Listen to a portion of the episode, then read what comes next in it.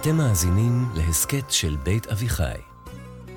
כשהמרכז הפוליטי כל כך צפוף, והקולות מתפצלים בין שתי רשימות שרוצות להוביל את הגוש, על מי בני גנץ מאיים יותר? על נתניהו או על החברים בתוך הגוש? רעידת האדמה הפוליטית. וישראל הולכת לבחירות בסתיו. הבחירות לכנסת ה-25. הגיעה להחלטה לתת לערוך אה, לקמפיינים. המחנה הממלכתי הוא רשימה חדשה בראשות בני גנץ שתתמודד לראשונה לכנסת ה-25. השם נקבע בקיץ האחרון כשגדי איזנקוט הצטרף לרשימה. היא מורכבת מכחול לבן של גנץ ומתקווה חדשה של גדעון סער. בשיא כוחה, כמפלגת כחול לבן שכללה אז גם את יש עתיד של יאיר לפיד, היא השיגה 35 מנדטים בבחירות באפריל 2019. לשפל היא הגיעה אחרי ההיפרדות מיש עתיד וההצטרפות לממשלת נתניהו. שמונה מנדטים בלבד בבחירות 2021. מצביעים. כל כך מגוונים שקשה למצוא להם אפיון או מכנה משותף. תומכי בני גנץ פרוסים גיאוגרפית על כל המפה, מתל אביב וגבעתיים, דרך ערי פיתוח, ערים ליכודיות, קיבוצים ומושבים, ואפילו התנחלויות. בעד, ממלכתיות. נגד, קיצוניות. הרשימה לכנסת נקבעת על ידי המנהיג, כלומר בני גנץ, אבל הוסכם שבעתיד יערכו בתנועה בחירות מקדימות שיקבעו את הרשימה ואת ההיררכיה בתוכה. מנהיג, בני גנץ, בן 63, שר הביטחון וסגן ראש הממשלה. בעבר כיהן כראש הממשלה החלופי. נולד וגדל במושב כפר אחים, לזוג עולים, אם ניצולת שואה מהונגריה ואב מרומניה. למד בבית ספר ממלכתי דתי ובישיבה התיכונית אור עציון, ואחר כך בפנימיית הכפר הירוק. את הקריירה הצבאית המפוארת החל בצנחנים, שימש בין השאר כמפקד יחידת שלדג, כמפקד חטיבת הצנחנים, כאלוף פיקוד צפון וכנספח צה"ל בארצות הברית. וב-2011 מונה לרמטכ"ל. לפי כל נתוני הפתיחה, בני גנץ היה תפור לראשות הממשלה. רמטכ"ל גבה קומה ויפה תואר במדינה שאוהבת לובשי מדים, איש האמצע המושלם. גם פריפריה וגם דור שני. מניח תפילין, אבל לא חובש כיפה. ליברלי, אבל נגד פינוי התנחלויות. ביטחוניסט, אבל נגד חוק הלאום. והכי חשוב, שמו לא קשור באף מפלגה או בזרם פוליטי ידוע. ולכן, לכאורה, כל האופציות היו על השולחן. לקראת הסבב הראשון של בחירות 2019, גנץ הכריז על הקמת מפלגה חדשה מהניילונים, חוסן לישראל. בבסיס מפלגת המרכז החדשה עמדו שני עקרונות. האחד, גיוון. אשת התקשורת מיקי חיימוביץ', הפעילה החרדית עומר ינקלביץ', סגן ראש עיריית תל אביב אסף זמיר, ומצד שני ראש מועצת ירוחם מיכאל ביטון, מזכ"ל ההסתדרות אבי ניסנקורן, איש החינוך האהוב חילי טרופר, ועוד אשכנזים, מזרחים, ואפילו דרוזית, אנשי מרכז ופריפריה, קיבוצניקים ודתיים. כולם הרכיבו מפלגה לא מגזרית ולא שבטית, אלא כלל ישראלית. העיקרון השני, קצת כמו העומד בראשה, גם המפלגה סירבה להזדהות עם זרם אידיאולוגי מובחן. המטרה, פתרון בעיות. לטוב או לרע, הפרגמטיות מחליפה את האידיאולוגיה. אחר כך הצטרף גם בוגי יעלון, עוד רמטכ"ל ואיש ליכוד לשעבר, עם מפלגתו תלם. ביחד נוצרה המטרה המוצהרת, החלפת נתניהו. בתקופה שלפני הבחירות, הסקרים הראו שמפלגת המרכז החדשה נוגסת בבוחרים הפוטנציאליים של יש עתיד. מכיוון שהערכים של המפלגות דומים, ושתיהן היו מעוניינות להחליף את נתניהו, נראה טבעי לגמרי לשלב כוחות. ובאמת, יום לפני סגירת הרשימות, יש עתיד, חוסן לישראל ותלם חתמו על ריצה משותפת, תחת השם כחול לבן. אזרחיות ואזרחי ישראל, שותפיי, בוגי, גבי, יאיר, חברי תנועת כחול לבן. זאת הייתה מפלגה עם ארבעה ראשים, לפיד, גנץ, יעלון וגבי אשכנזי שהצטרף לאיחוד. שלושה רמטכ"לים בצה"ל, אבל טירונים בפוליטיקה. לפיד, הפוליטיקאי היותר מנוסה בקוקפיט, נאלץ להיכנע ללחץ הציבורי ולסקרים שניבאו הצלחה גדולה יותר לרשימה כשגנץ עומד בראשה, ולוותר לו על המקום הראשון כשהוא מחליף אותו אחרי שנתיים כשהם יובילו את הממשלה. המועמד הטרי גנץ אכן זוהה כפוטנציאל מנהיגותי, ולכן, כמקובל פה, מיד הפך מטרה לקמפיין שלילי. הם יגידו לך תפתח מילון, בני. או ניבון, או ספר תלמוד, או משהו. הוא הואשם כטיפש וכדמנטי בגלל טעויות קטנות בראיונות. שמועות החלו לצוץ על גישה איראנית למכשיר הטלפון שלו, שם מתחבאים לכאורה סודות אסורים, ונעשו ניסיונות למצוא כל מיני פרשות עלומות מהעבר שהסתיימו בתביעת דיבה ונעלמו באופן מסתורי. האם הקמפיין נגד גנץ פגע באהדה הציבורית אליו?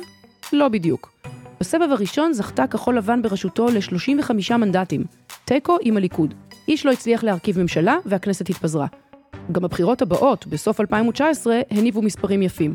כחול לבן הייתה המפלגה הגדולה ביותר, עם 33 מנדטים. אבל גם אז הם לא הצליחו להרכיב ממשלה. גם נתניהו לא. ושוב, סבב בחירות. הסבב השלישי במרץ 2020 הביא את הטוויסט הגדול בקריירה הפוליטית של בני גנץ. התוצאות הראו שוב תיקו והמשך הפלונטר הפוליטי.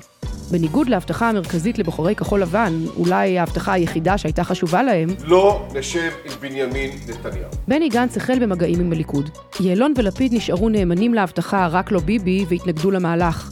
גוש השמאל מרכז כולו הוכה בתדהמה וניסה להזהיר, אבל המגעים הבשילו, ובני גנץ נכנס לממשלת נתניהו כשהוא מפצל את הסיעה ולוקח איתו 15 מנדטים של כחול לבן לקואליציה עם הליכוד והמפלגות החרדיות. הנימוק של גנץ היה המשבר הפוליטי המתמשך שלא מאפשר טיפול בבעיות הבוערות, מגפת הקורונה שיצרה מצב חירום בריאותי, וכמובן הצורך הלאומי באחדות. האחדות הזאת החזיקה בקושי שנה. כמו שחששו מתנגדיו, נתניהו כנראה לא היה מעוניין במימוש הרוטציה עם גנץ, ואחרי דחיות אינסופיות בהצבעות על תקציב המדינה, הממשלה נפלה. גנץ, שהיה אמור להתמנות לראש הממשלה אחרי שנה וחצי, לא זכה אפילו ליום אחד בתפקיד, ומבחינת ישראלים רבים, התגלה כפראייר גדול. האיש שיצא נגד השקרים של נתניהו, התפתה בסוף להאמין להם בעצמו.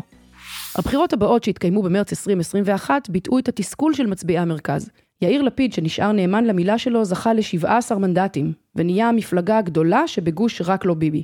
ועדיין, גנץ לא סיים את דרכו הפוליטית. כחול לבן זכתה לשמונה מנדטים מהרבה מצביעים שכן העריכו את הניסיון הזה של גנץ לנסות שיתוף פעולה עם נתניהו, וחשבו שבאותה נקודת זמן הוא כנראה עשה את הדבר הנכון. כך או אחרת, גנץ חזר לתפקיד שר הביטחון, הפעם תחת ראשי הממשלה החלופיים בנט ולפיד. ואיך זה נגמר, כולם יודעים. ככה הרי הגענו עד הלום. אז לקראת הבחירות הקרובות, כחול לבן יצאה לסבב גיוס חדש. בשלב הראשון הצטרף גדעון סער עם המפלגה שלו, תקווה חדשה, אחרי שהסקרים הראו שהוא בסכנה להישאר מתחת לאחוז החסימה. גדעון סער התחיל את הקריירה הפוליטית שלו כמזכיר הממשלה עוד בכהונה הראשונה של נתניהו, והחל מ-2003 כיהן כחבר כנסת, כשר חינוך וכשר הפנים מטעם הליכוד.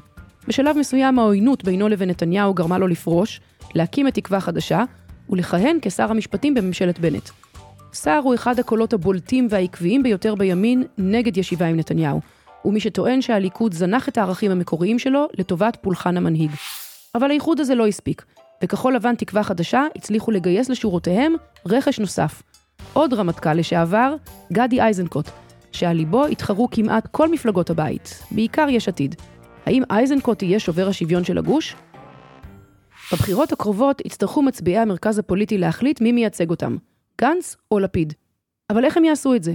אחרי הכל, מה באמת ההבדל ביניהם? שניהם נעים בהופעתם, מציגים עמדות מרכז, ומעוניינים להחליף את נתניהו. זה אפילו מה שחיבר ביניהם לתקופה מסוימת. היתרון של לפיד, הוא הוכיח נאמנות לבוחרים שלו כשלא הצטרף לממשלת נתניהו, הוא הוכיח מנהיגות כשליכד את גוש רק לא ביבי והקים ממשלה שנראתה בלתי אפשרית, והוכיח גדלות נפש כשנתן לנפתלי בנט להוביל רק כדי שהממשלה הזאת תקום. זאת כבר הייתה הפעם השנייה שהוא ויתר על הבכורה למען המטרה שהציב לתנועה. היתרון של גנץ, הוא בוגר החינוך הדתי, מניח תפילין כל בוקר, והחיבור שלו למסורת נתפס כאותנטי. אולי בגלל זה הוא שומר על קשרים טובים עם המפלגות החרדיות, ובסיטואציה הנכונה הן עשויות לחבור דווקא אליו לממשלה רחבה. זה לעומת לפיד, שמהווה עבורם סדין אדום עוד מהימים שבהם דרש שוויון בנטל. בנוסף, בני גנץ והמחנה הממלכתי מציגים רשימה ביטחוניסטית של רמטכ"לים ואלופי משנה, שמחוזקת באנשי ימינה ותקווה חדשה הימנים, ומאמינים שזה מקנה להם יתרון על יש עתיד ועל מפלגת העבודה בקרב המתלבטים הימנים. גם בזירה המדינית יש הבדל. בעוד לפיד ויש עתיד מדברים במפורש על פתרון קבע של שתי מדינות לשני עמים ועל היפרדות מהפלסטינים, במצע המדיני של גנץ והמחנה הממלכתי מופיע עקרון צמצום הסכסוך, שמציע צעדים אופרטיביים להגברת מידת השלטון העצמי הפלסטיני. זה הבדל עקרוני, שנובע מההבנה שכרגע אין לסכסוך עם הפלסטינים פתרון קבוע כלשהו שלא יעמיד את ישראל בסכנה. בכלל, אם נבחן את שתי מפלגות המרכז האלה בזכוכית מגדלת, אפשר אולי להגיד שהמחנה הממלכתי של גנץ היא מפלגת מרכז ימין, ויש עתיד של לפיד היא מפלגת מרכז שמאל. מדינת ישראל נכנסה לאובססיה מטורללת, כן ביבי, לא ביבי. בחייאת, מה ההבדל מרק לא ביבי? בכלל השאלה הייתה רק ביבי או לא ביבי. לא מקימים מפלגות בשביל רק ביבי או לא רק ביבי. גנץ יכול לטעון שלא ישב עם ביבי, שכבר למד את הלקח על בשרו, ושלא יחזור על הטעות. מצד שני, הוא כבר הבטיח פעם אחת, ולא קיים. אז נכון שגדעון סער לא יסכים למהלך, ואפילו גדי איזנקוט אמר, איש ציבור לא יכול להתמודד לתפקיד ציבורי עם כתבי אישום. אבל גם השותפים הקודמים שלו, לפיד ויעלון, לא הסכימו בזמנו למהלך. האם גנץ שוב יהיה מוכן לשקול הצטרפות לממשלה רחבה עם נתניהו כדי לחסוך הליכה נוספת לבחירות? ומה יחשבו על זה הפעם המצביעים הפוטנציאליים שלו? אז חוסן לישראל, כחול לבן תקווה חדשה או המחנה הממלכתי. המדובר שוב ברשימה חדשה עם חיבורים חדשים, שכרגע קשה לדעת איך יקבל אותה הבוחר. האם הם בכלל ימשיכו לרוץ בהרכב הזה גם בעתיד, או שזהו שלב נוסף עם שם נוסף במסע הפוליטי של בני גנץ? כמה מנדטים יקבל המחנה הממלכתי, ועל חשבון מי?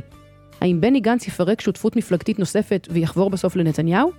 והאם בני גנץ שוב יהיה ראש ממשלה חלופי, רק שהפעם מול יאיר לפיד? אתם תכריעו. אני אפרת שפירא רוזנברג, תודה רבה לאמיר פבלוביץ' על התסריט ולניר לייסט על הפסקול.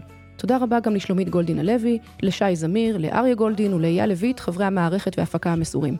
רוצים ורוצות להתעמק עוד? האזינו להסכתים קצה הקרחון ומפלגת המחשבות, על הרעיונות שמאחורי הפוליטיקה הישראלית. עכשיו, באתר בית אביחי ובפלטפורמות ההסכתים המובילות.